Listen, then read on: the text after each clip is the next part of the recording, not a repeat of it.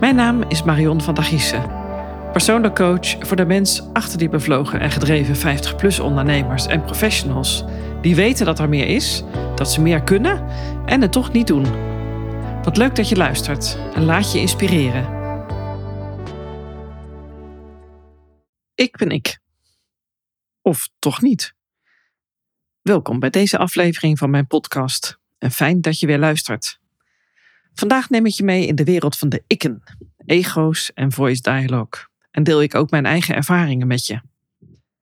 Je kent ze vast wel, die stemmetjes in je hoofd die je van alles influisteren. Bijvoorbeeld als je voor een moeilijke keuze staat, of vaak ook juist als je voor die moeilijke keuze staat, een lastige klus te doen hebt, of als je gewoon niet zo goed weet hoe je met een bepaalde situatie of een persoon moet omgaan.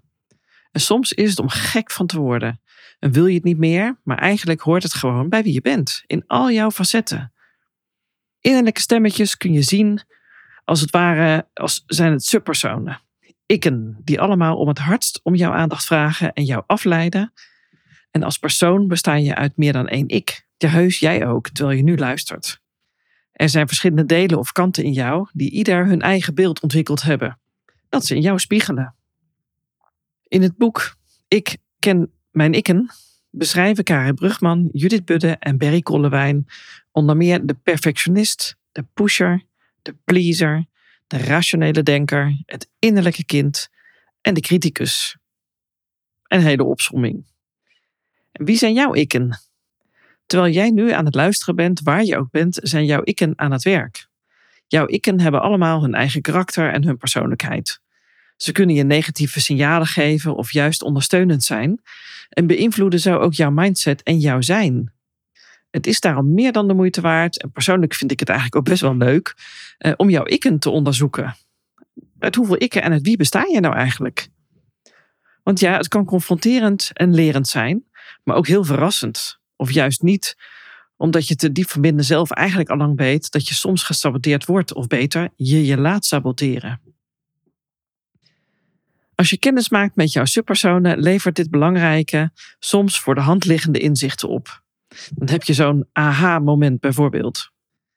Maar welke drijfveren zitten er nou achter jouw gedrag? En zijn ze helpend of niet? En waarom voel jij je nou aangetrokken tot bepaalde personen of waarom juist niet? Er gebeurt van alles bij jou en met jouw ikken. Stel jezelf eens een bus voor. Jij zit aan het stuur. Maar wie zit er dan naast jou? En wie zit er direct achter jou? En wat is de relatie tussen die twee passagiers, tussen aanhalingstekens? Want wie zit er achter in de bus? In de regel zitten de pleziermakers allemaal gezellig achterin. Dat ken je misschien vroeger nog wel. Hè? Als je het visualiseert van je schoolreisje. De meut is het achterin eh, lekker lawaai te maken en te zingen. En voorin eh, zitten de rustige en de aandachtige personen. Bij mij zat bijvoorbeeld de perfectionist direct naast me. En achter mij zat diegene die mij vooral aanspoorde om op te letten, om vooral ook naar die perfectionist te luisteren. Dat kon enorm zwaar en, en, en frustrerend voelen. En hoe, hoe fijn zou het nou zijn om met die passagiers achter in de bus plezier te maken en het allemaal wat minder ingewikkeld te doen? Dat kan best.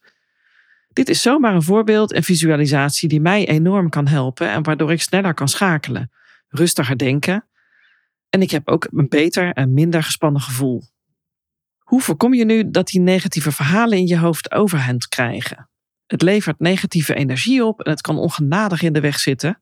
En per saldo levert je weinig op. Het kan ook enorm frustrerend zijn. Het gevoel dat er iets mis is en dat je beren op de weg ziet of jezelf op een of andere manier beperkt, angst, veroordeling en een groot verantwoordelijkheidsgevoel kunnen voor enorme verkramping zorgen. In je hoofd en vooral ook in je lijf. Onbewust laat jij je toe en saboteer je jezelf, waardoor je het moeilijk maakt, hè, waardoor het je moeilijk maakt en ingewikkeld wordt voor jezelf. En je zet jezelf ook klem. Een voorbeeld. Hoe ik het heb ervaren. Ik ski al vanaf heel jonge leeftijd. Graag en goed, durf ik best te zeggen. Van blauw tot zwart. Maar met het ouder worden word je gewoon ook wat voorzichtiger. En ik kan het wel, maar ik hoef niet meer van alles. Ik vertel je waarschijnlijk niks nieuws als je dit herkent. Vorig jaar was ik een beetje op skivakantie met mijn gezin. En ik ben steeds meer een mooi weer skier. Niet dat ik nou in de zon ga liggen op een lichtstoel op het terras. Ik bedoel eigenlijk, ik ski graag als het goed weer is en bij lekkere sneeuw. Het ideale wintersportweertje, zeg maar. Maar omstandigheden veranderen snel en sneeuw is nu eenmaal nodig. Maar als het sneeuwt en mistig is vaak, dan raak ik al gauw wat gedesoriënteerd.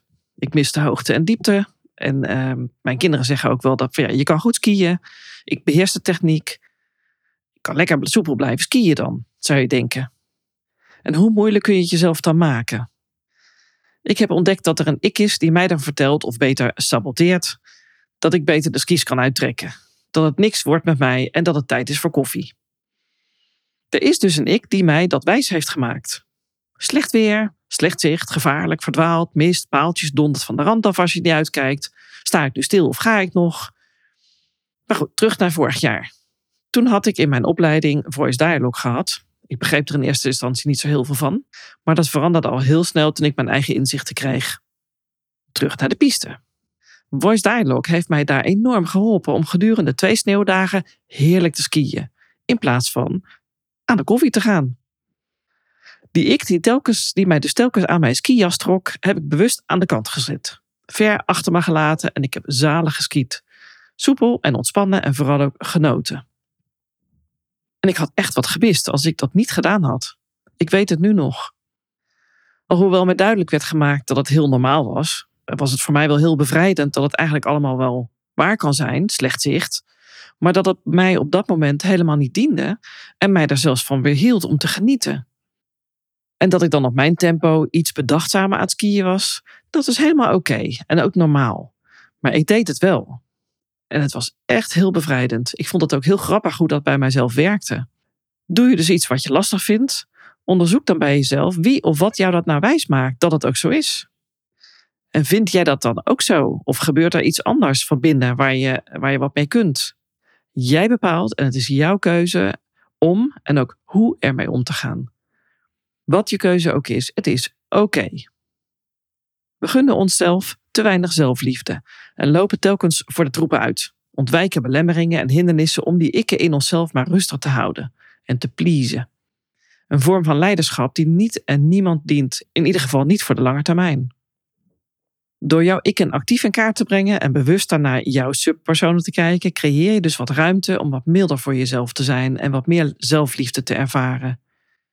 Hierdoor ben je in staat om jouw gedrag om te buigen en heel bewust andere keuzes te maken. Bijvoorbeeld om wel die ene stap te zetten waarvan jouw subpersoon vindt dat je dat beter niet kunt doen. En om simpelweg meer te genieten van het leven in verbinding met wie je bent en met wat jij wilt doen en dan ook kunt doen, zonder belemmering en zonder ego. Tijdens mijn coaching gaan we onder andere ook aan slag met jouw ikken. Het is een hele mooie manier om aan zelfinzicht te werken en de uitdagingen die je tegenkomt in jouw leven aan te gaan, in plaats van er met een grote boog omheen te lopen. Je komt in de actiestand, neemt het leiderschap op een goede manier en je weet ook hoe jij op een constructieve manier voor jezelf dat inzicht kunt bestendigen. En dit heb je nodig als je het beste uit jezelf wilt halen, om te doen wat jij graag wilt of wat je te doen hebt. Het resultaat is dat je van veel meer waarde kunt zijn voor jezelf en voor de ander, zowel zakelijk als privé. Ik hoop dat het onderwerp naar deze podcast voor je gaat leven, of nog meer voor je gaat leven als je er alles uh, mee bezig bent geweest. En als je al uh, weet welke ikken, uh, uit welke ikken je bestaat. Dankjewel voor het luisteren en luister je voor het eerst. Volg mijn podcast of abonneer je ik zou het ook heel erg leuk vinden als je je reactie wilt achterlaten. Wat voor inzicht heeft het je vandaag gegeven? En wat heeft je geïnspireerd? Stuur me vooral ook een persoonlijk bericht of mail als je er meer over wilt weten of wat ik voor je kan betekenen. Dankjewel dat je er weer was. Tot de volgende keer.